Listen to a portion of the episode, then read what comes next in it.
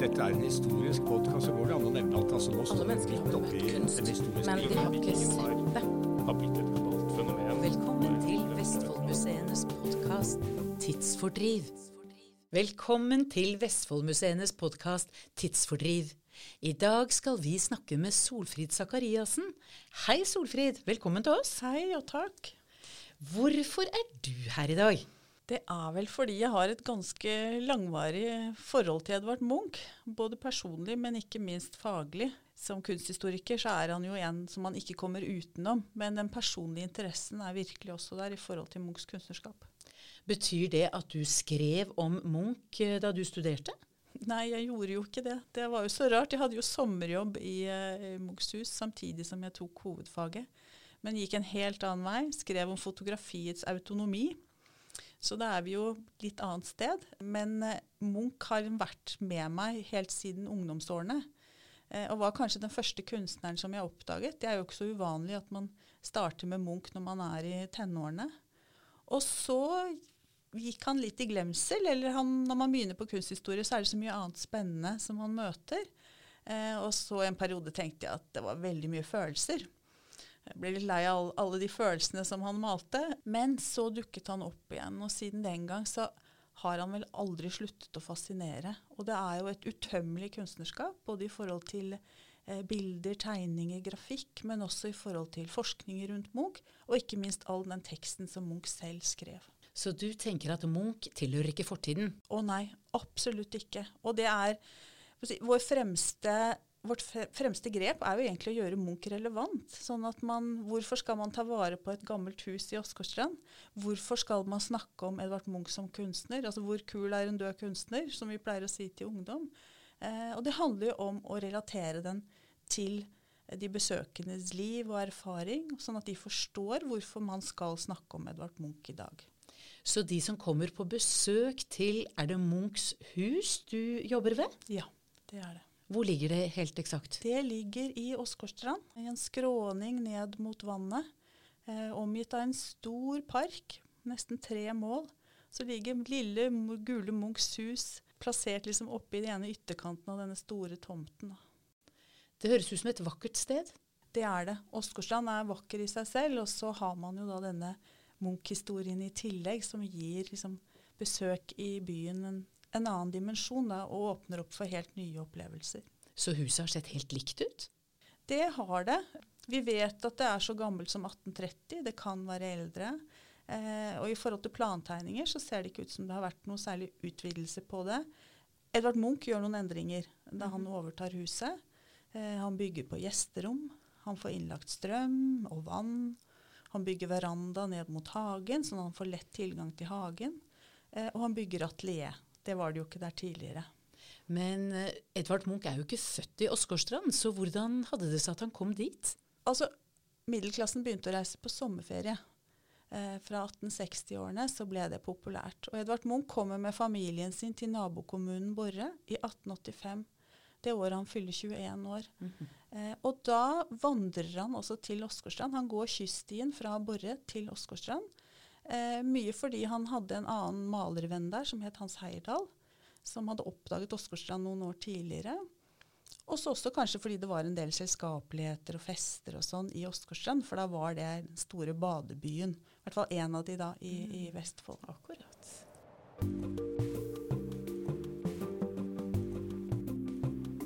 Tidsfordriv. Så når vi snakker om Edvard Munch da, Solfrid, så må vi vel rett og slett uh, gå tilbake og si hvor starta det hele? Hvem er han? Edvard Munch er født på Løten 1863. Mm -hmm. Han er bare ti måneder gammel vel, da familien flytter til Kristiania, hvor de bor på mange ulike adresser. Eh, først på vestkanten, og senere da over på østkanten. Faren Christian er lege, såkalt korpslege, så han jobber i Forsvaret.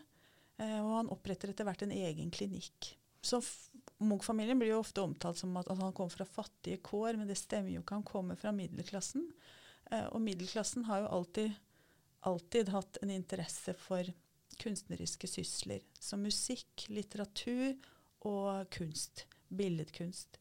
Eh, så dette får Munch inn ganske tidlig. Og han og alle søsknene, de er fem søsken etter hvert, tegner og maler eh, hele livet. Og spiller musikk, går på biblioteket og låner bøker. Um, ja, er veldig opptatt av uh, å ha et rikt åndsliv, rett og slett. Det er en del av oppdragelsen. Så det er det du beskriver altså som kunstneriske sysler. Men det er jo et betydelig steg derfra til å gjøre det til et liv. Ja. Jeg pleier å si at med Munch så det startet som en barnelek, Ja, og så ble det alvor. Mm. Og for Munch ble det blodig alvor. Ja.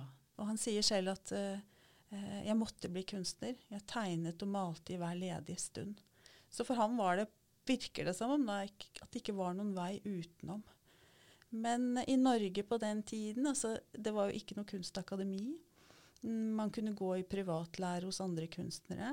Man burde jo egentlig komme seg til utlandet og motta impulser derfra. Det kostet jo også penger. Og selv om Munch-familien da tilhører middelklassen, så var dette med økonomi og få pengene til å strekke til var en utfordring. Men Munch var så heldig at, at han hadde andre rundt seg, bl.a. maleren Fritz Taulow, som så Munchs talent. Eh, og Fritz Taulow er den som sørger for at Munch kommer til utlandet for første gang i 1885 for å reise til Paris. Nettopp. Og Munch eh, blir også kjent med Christian Krogh, så han, han og flere andre leier jo et atelier i, eh, eller, ja, atelier i Oslo og eh, får veiledning av Christian Krogh. Christian Krogh er jo et navn som vi assosierer med Kristiania-bohemen. Så det betyr jo at han har kommet inn i en ganske spesiell krets i Oslo, da. Ja, det gjorde han. Og ikke, i tillegg til Christian Krogh så har du jo Hans Jæger, som Mm. regnes også som både lederen for uh, Christiania-bohemen, men også som en viktig sentral person for Munch. Christiania-bohemen var jo en veldig liten krets, egentlig, og var egentlig et slags opprør mot borgerskapets veldig stramme og strenge måter å leve livet på. Dobbeltmoral. Så det er dette Kristiania-bohemen særlig da angriper. Nå har de i senere tid blitt redusert til sånn absintdrikkende mennesker som bare satt på kafé og diskuterte og drakk hele tiden. Men de hadde mange, eller flere av dem et større alvor enn det. De ønsket endringer i samfunnet. De ønsket å komme denne dobbeltmoralen til livs. Ja, Det høres ikke ut som du er enig i den, å dempe dem. liksom Du mener at de, de var viktige. Og de må jo ha vært viktige for Munch og hans kunstnerskap. Ja. Hans Jæger hadde jo denne tesen i forhold til litteratur, at man skulle skrive veldig ærlig, og man skulle skrive sitt liv.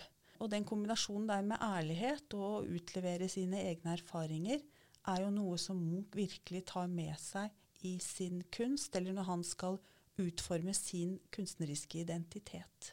Så de impulsene som Kristiania-bohemen ga Edvard Munch, sammen med hans egen familiære bakgrunn, tenker du at det er den smeltedigelen der da, som leder frem mot dette, hva er det de sier, skildrer skildre hans altså det moderne sjelelivet? Ja, det er det, men det er også Munchs altså, søken, selvstendige søken etter denne kunstneriske identiteten. Hva er det jeg vil med min kunst?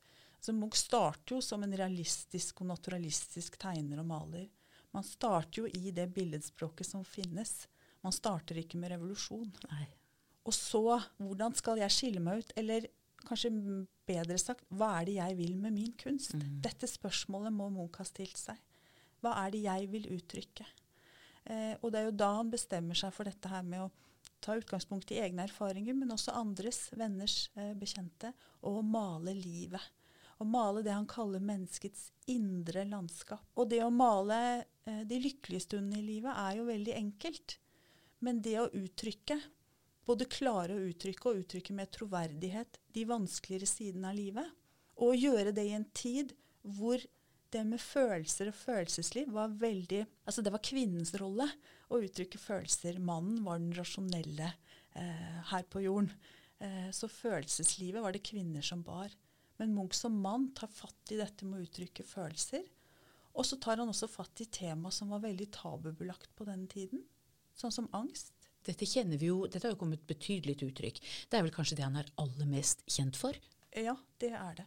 Det er jo da når vi får besøk av veldig mange som har dette bildet av Munch som deprimert og ensom, og at livet liksom var en eneste stor lang lidelse, så er det fordi man har disse bildene så langt fremme i bevisstheten. Men Edvard Munch var så mye mer enn det. Um, men han ble jo også i sin uh, samtid av flere stemplet som gal. Et sted skriver en at han kunne ikke ha en normal hjerne, som uh, maler et bilde som Skrik. At han var syk. Eh, og Edvard Munch skriver jo eh, ganske sånn reflektert over dette når han sier at det at jeg uttrykker lasten, at jeg uttrykker dette, er det sunne ved meg. For hva gjør man når man skal gjennom et traume eller en dårlig minne? Man, man må gjennom det. Det er ingen vei utenom hvis man skal på en måte leve videre med det. Eh, og Munch, for Munch var det å male det eller å skrive om det. Da kommer han ut på den andre siden. Men kommer dette veldig tidlig i hans kunstnerskap? Du sier han er en naturalist først. Så hva tenker du, når er det endringen skjer? Det skjer jo gradvis, men Munch får statsstipend tre år på rad. Og det sier jo at uh, ikke alle var motstandere av Munchs Mm, kunst. Og det gjør at han kan reise til utlandet. Han reiser til Frankrike. Og eh, høsten, vinteren 1889, Munch er i Frankrike, så får han vite at faren hans er død. Og han kan ikke reise hjem. altså Han rekker ikke å reise hjem. Faren er allerede begravet, tror jeg, da Munch får denne beskjeden. Nyheter reiste jo langsomt Mm, i gamle dager. ja. Og når Munch får den beskjeden så Han har jo allerede begynt med disse litterære dagbøkene sine, hvor han skriver ned tanker både om erfaringer fra barndommen, men også om ideer og tanker om kunst, og reflekterer rundt kunst. Og da skriver han om dette med faren, om det å miste noen som står en nær. Han angrer på ting som han har sagt, som han ikke skulle ha sagt, og omvendt. Alt det jeg hadde lyst til å si, men ikke fikk. Han minnes kjærligheten til faren, og beskriver dette veldig vakkert. Og det er da samtidig Han er i Saint-Claude, heter det vel, en forstad til Paris, når han skriver om disse minnene om faren. Og så skriver han også dette som senere blitt kalt for Saint-Claude-manifestet. Nettopp. Det er i disse årene, da 1889 og 90, og kanskje også over i 91, hvor han skriver at nå skal det ikke lenger males interiører. Skal ikke male eh, mennesker som leser og kvinner som strikker, men jeg skal male levende mennesker som puster og føler og lider og elsker. Og da er han i 20-årene. Da er han Ja, og jeg er så dårlig på matte, vet du. Ja, det, er ikke, det er ikke riktig, men jeg tenker altså Jeg opplever jo da at dette skjer i en ganske hva skal vi si, tidlig voksenalder. Ja, det er riktig. Og at det er noen ganske modne betraktninger. Tross alt alderen tatt i altså Hvis vi ser på det. Og da lurer jeg på veien videre fra dette dramatiske skillet som du da skildrer fra opplevelsen i Frankrike og nyhetene som når han omsider. Eh, så kommer han tilbake til Norge, og eh, familien har da, eller får da, en slags tilknytning til Åsgårdstrand. Det stemmer. Uh, Munchs statsstipendet tar han til utlandet, men det er jo på høsten og vinteren, så han mm. kommer alltid hjem til Norge om sommeren. Akkurat. Og sommeren 1889 så leier de for første gang hus i Åsgårdstrand. Han og søstrene, og også tante Karen. Hun blir jo en kjempeviktig for, person for Munch, og hun er med også da til Åsgårdstrand. Og så leier de hus flere år på rad, somre på rad. Eh, Munch begynner å reise også ned alene. Og møtet med Åsgårdstrand, altså det er i Åsgårdstrand han finner landskapet til disse bildene, disse sjelebildene, dette indre landskapet. Og da snakker vi om Da er vi nede ved vannet. Mm. Ås, fjorden, eh, Åsgårdstrand, eh, denne buktende strandlinjen, disse store rullesteinene som ligger nede på stranden, og månesøylen. Så fullmånen i Åsgårdstrand, når den stiger oppover Østfoldsiden og det er klarvær, så ligger den jo som en sånn gullsøyle over vannet. Disse elementene går igjen i veldig mange av bildene knyttet til livsfrisen og bilder fra 1890-årene fra Munch og Åsgårdstrand.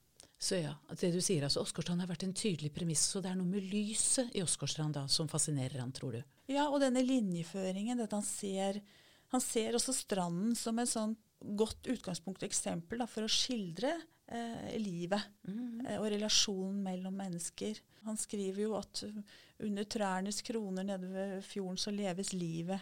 Eh, mens fjorden renner, på en måte de store linjene renner der ute, mens det er det daglige livet med forelskelser og tiltrekning til løsrivelse, ensomhet, sjalusi.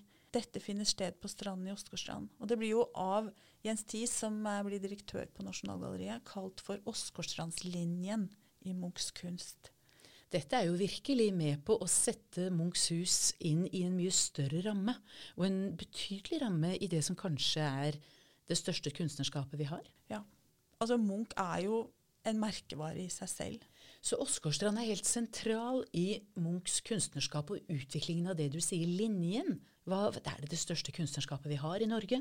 Ja, et av de største i verden, vil jeg si. Altså Munch er så internasjonal. og det, Vi ser jo det på interessen vi får fra utenlandske også besøkende, journalister. Det er et navn som de fleste kjenner til. De kjenner kanskje til ett eller to bilder. Men Munch som kunstner, også som, som merkevare, som står for noe spesielt, det er innarbeidet. Det er det. Så hvilke bilder er det folk kjenner av Munch når de kommer til deg? Eh, Det er vel 'Skrik' og 'Pikene på broen' som er de mest eh, vanlige. Nesten alle spør om du, hvor er den broen, hvor er det bildet malt? Ja, det er med på å sette Åsgårdstrand på kartet, selvfølgelig. Ja. Mm. Eh, og så tror veldig mange at 'Skrik' er malt i Åsgårdstrand, men det er det jo ikke. Det er jo malt i Oslo. At det er malt i Oslo. Det er det vel, ja. Mm. Akkurat det har vi hørt. Dette med at Munch altså kjøper sitt første hus i Åsgårdstrand. Og alt man gjør for første gang, har jo en spesiell betydning. Så det å få sitt eget egne hjem, huset som man da kjøper i 1898 Og jeg har også tenkt mye på at dette var, det å komme til Åsgårdstrand på våren, på forsommeren, var en kjempekontrast til det livet Munch levde ellers, med reiser rundt i Europa, da i Tyskland og Frankrike, på små, mørke hotellrom, hvor han ikke alltid visste hvor neste måltid kom fra, eller, eller penger til neste måltid kom fra, eller eh, leie for eh, dette hotellrommet. Og det å komme til Åsgårdstrand den beste tiden, med en stor hage, med lys, med et, et eget hus som var hans, det, den kontrasten der, og så godt som det må ha gjort han, eh, dette skriver han jo selv om. Jeg er så trett av reiser og utstillinger og har stor lengsel til mitt hus og til mitt arbeide. Og da er det Åsgårdstrand han snakker om. Og der ble han veldig virksom. Det gjorde han. Vi har allerede snakket om altså, dette med livstrisen og disse bildene som han maler der, men også etter at han kjøper huset, så skjer det en endring i Munchs kunst. Du kan si at Munchs kunst er vel preget av endringer gjennom hele livet, for han eksperimenterer hele tiden og søker nye måter å uttrykke seg på. Men etter dette huskjøpet så blir han mye mer opptatt av lokalbefolkningen.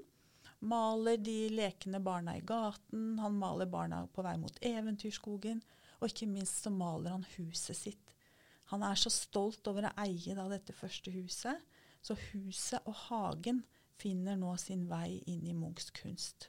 Og da får man til dels veldig vakre bilder som viser liksom hagen i løpet av en høysommer, hvor man føler på en måte at det vibrerer av liv da med insekter og blomster og jenter som plukker epler og. Livsbejaende, ja. rett og slett. Så dette er jo kontrært til noe av dette som fremstår ikke sant, med skrik og det dramatiske og det vonde, ikke sant, som, Ja. som man kan jo ofte assosiere Munch med. Så har han altså en gladere side, en lettere side. Og det, det gjelder vel alle oss mennesker. Ja. Vi har to sider. Mm. Eh, det som var annerledes med Munch, i hvert fall på den tiden, var at han turte å gå gjennom det vonde og vanskelige, og han klarte å dele det. Eh, og han deler det jo veldig ærlig. Det er jo ikke alle som ville delt, selv ikke i dag, et angstanfall, som jo Skrik er, eller hvis man har hatt et slagsmål med en malerkollega påvirket av alkohol. De fleste ville kanskje blitt litt flaue over det, men Munch maler det. Og, og så skriver han også om det, om ting som kunne gått galt. Så, så han, denne delingskulturen som vi er så omgitt av i dag, den deler Munch. Og han gjør det ikke rent terapeutisk fordi at han skal eh, på en måte bli bedre, men han skriver også at han ønsker at andre mennesker som ser bildene, skal lære noe om livet og hva det vil si å være menneske. Tenk deg å male skrik, altså angst, på 1890-tallet. Den første versjonen kommer i 1893, i en tid hvor dette var ekstremt tabubelagt. Hvis man hadde noen med såkalte nerveproblemer, var man heldig, så ble man lagt inn på en klinikk og ikke snakket mer om. Det var, det var så tabu. Og så har kommer det da en kunstner som maler det, og som maler det så sterkt. Det er uten tvil at dette er et bilde som er ment å være urovekkende og bygge på en veldig urovekkende følelse. Og mange som kommer til meg, sier at 'uff, skrik er så grusomt', det er så stygt bilde. Og da pleier jeg å si ja, selvfølgelig er det det, fordi det er et bilde på angst. Du kan ikke male en hyggelig, glad angst. Da er det ingen angst lenger. Og bildet ville ikke hatt den virkningen eh, som det hadde den gangen. Og i dag. Ja. Og det er jo det som gjør det så fantastisk, at det er altså helt overskridende, fordi det er allmenngyldig. Det ligger der i den menneskelige natur og reflekterer noe som vi alle kan kjenne oss igjen i kanskje en eller annen gang i livet. Men da er det også veldig fint da, å vite at Munch, som var drevet av angst, han ble vel også lagt inn, gjorde han ikke det? Ja, han ble ikke lagt inn, han la seg inn. Å ja, det er jo en forskjell. Ja, og det er også noe man i litteraturen ofte leser, og også i møte med besøkende må korrigere. Han forlater jo Norge i 1905, nettopp fordi, som han skriver selv, at han fikk ikke lenger slappet av som han ville i Åsgårdstrand. Det kom stadig ubundne gjester og tok seg sommerferie i min hage og i mitt hus, skriver han. Eh, så han ble forstyrret. Han fikk ikke den roen som han trengte til å male. Eh, så han forlater Norge da og reiser rundt i Europa, og alkoholkonsumet tiltar. Og han lider av paranoia, forfølgelsesvanvidd. Altså, det er en vi tror, eller For meg fremstår de årene som kanskje de mest dramatiske og utmattende i Munchs liv, fra 1905 til 1908. Maler han i denne perioden? Ja, det gjør han. Mm, og, og det med å, å virke som kunstner er jo på en måte det som holder han oppe, som han selv sier et sted. Det blir min støttestav her, her i livet, det å kunne male. Men han kollapser da til slutt i København i 1908, og da legger han seg inn doktor Jacobsens klinikk. Og er det en åpen klinikk, så han kommer og går som han vil. Han maler også der hele tiden. Han går på utstillinger. Og paradokset er jo at det er da han er på denne klinikken, at han får gjennombruddet sitt i Norge. Så etter å ha vært igjennom en krise hvor han la seg selv inn, som du sier, så får han et gjennombrudd i Norge i 1908. Hva skjer etter det? Da bestemmer Edvard Munch seg for å flytte tilbake igjen til Norge. Så han, eh, våren 1909 reiser han med båt opp langs norskekysten, og valget faller på Kragerø, rett og slett. Kragerø? Ja. Blir han der lenge? Ja, det er litt frem og tilbake i biografien, men man regner årene 1909 til 1916 i Kragerø, men også med avstikkere til andre steder. Hva var det som dro ham til Kragerø? da? Var det en kvinne, eller? Nei, det var eh, For det første syntes han landskapet så så fint ut fra båten, eh, fra havet. Og så hadde han jo en venn som bodde der nede som het Christian Gjerløf. Og Gjerløf, og også venn og slektning Ludvig Ravensberg, er med eh, og hjelper han med å eh, finne seg til rette. Så han leier hus der nede. Ønsker å kjøpe, men får nei. Det angrer nok Kragerø kommune på i dag. Og går der i gang med utkast til auladekorasjonene. Det er jo et betydelig arbeid, men det betyr at det er virkelig tid for en ny start. Det er det. Og det er jo etter dette oppholdet på klinikken så sier jo Munch selv litt sånn tørre, den tørre humoren han hadde da, med at nå er det slutt på alle former for gift. Både nikotin eh, og alkohol og gifte og ugifte kvinner. Nettopp. Og den holder han. Ja, det blir en og annen konjakk til kaffen, men han drikker aldri i nærheten av det som han gjorde tidligere. Og en ny start med et nytt sted. Eh, han skriver at han ikke orker å nærme seg det stinkende Kristiania. Så han holder eh, hovedstaden litt på avstand ennå. Men han jobber seg da sakte, men sikkert oppover Oslofjorden. Så han leier hus på Jeløya, han kjøper hus i Hvitsten, han er innom Åsgårdstrand innimellom.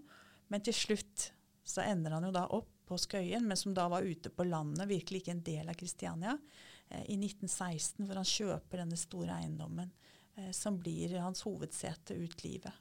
Og det er Ekely du snakker om nå. Ja. Ekely.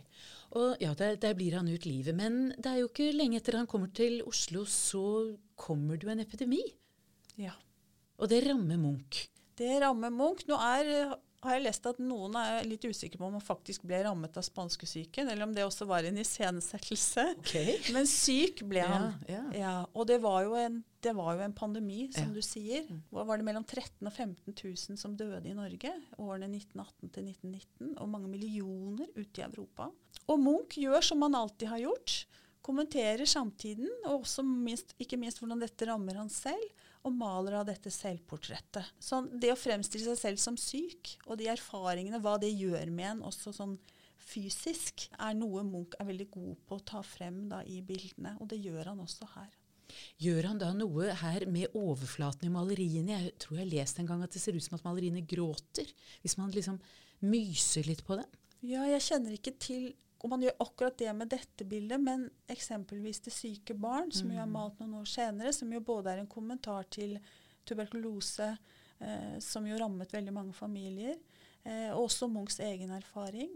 Så har, den finnes i flere versjoner, men det er en versjon hvor han går veldig hardt til verk, som du sier, på lerretet. Han skraper inn i lerretet, eh, og så har han rennende maling. Det blir han kritisert for. Hvis man ikke kritiserte Munch for motiv, så var det malemåten. At han maler veldig skisseaktig og uferdig. Og rennende maling, det skulle man jo ikke ha noe av. Men da skriver Munch selv, eller sier selv, at bildet er som sett gjennom tårer. Nettopp. Og når man ser noe gjennom tårer, det vet man jo, Ja. det blir Mm. tåkete, det ser annerledes ut, det går i en slags sånn oppløsning. Det var det han prøvde på. For det var jo minnet om denne kjære søsteren. Munch var jo 14 da hun døde, og dette minnet sitter så godt i han. Så det å male sykdom da, altså den gangen da spanskesyken, så er det en kommentar til noe som vi opplever akkurat nå. Ja. Det er utrolig interessant altså hvordan noen store hjerner ikke sant, har dette universelle ved seg og sin evne til å uttrykke det.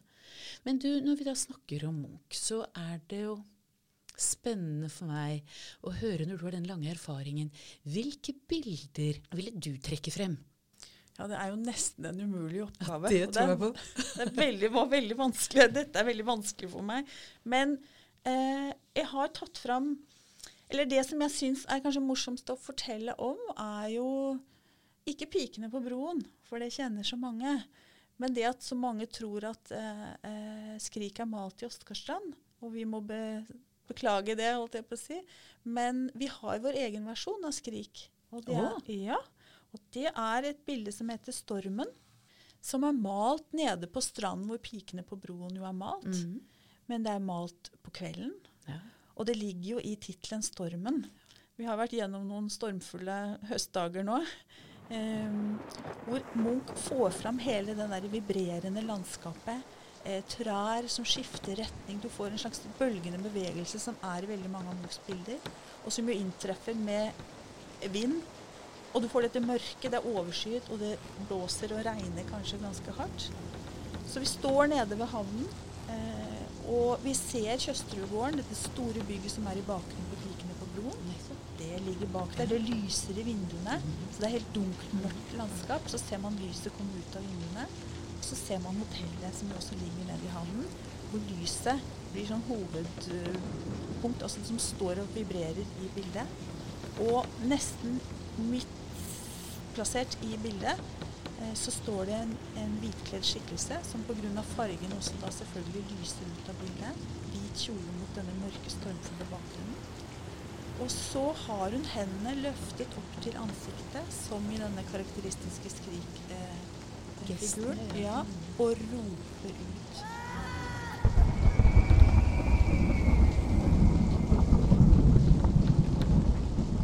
Og de ser, vi skjønner, eller som er kjent i Åsgårdstrand, ser at de ser utover mot fjorden. Og hun roper ut mot fjorden. I bakgrunnen står også en eh, ansamling med ser ut som kvinneskikkelser. De har, ser ut som de har kjole på seg. Gruppert i en sånn form som også er karakteristisk for Munch. Eh, og de står også med hendene opp og roper.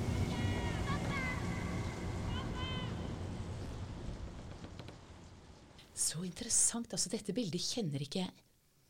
Originalen henger på MoMA i New York, så Og da er det kanskje ikke så rart, da. da er vi igjen på Munchs internasjonale anerkjennelse.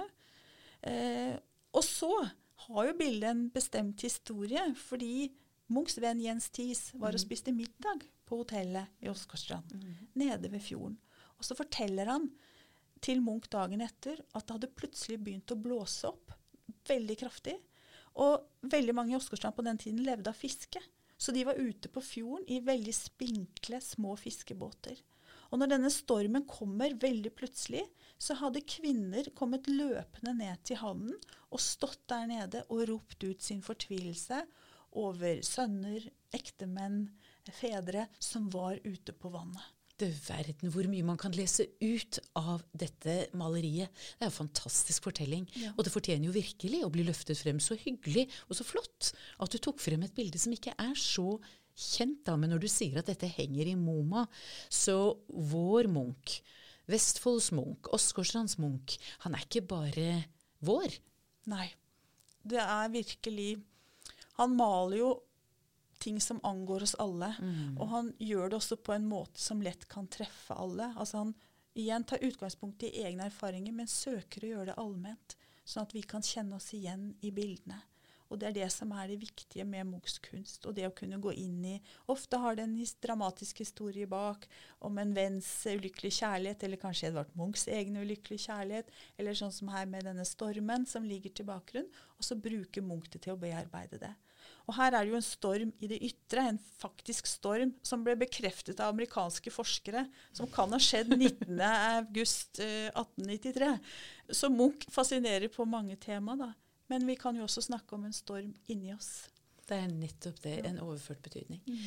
Men hvilke annet bilde? Altså, har du noen bilder av huset hans f.eks. som du kunne dele? Det har jeg. Eh, eller det har ikke jeg, men det har Munch malt ganske mm. mange bilder av. Han kjøper jo dette huset i 1898, eh, og det er hans første eiendom. Og han er, som de fleste av oss, veldig stolt over det å sette bo for første gang. Og han skriver veldig vakkert om det. Han skriver så forunderlig å være så hos seg selv i sitt eget hus. At det ikke var spesielt stort og ikke spesielt fint, men det er mitt.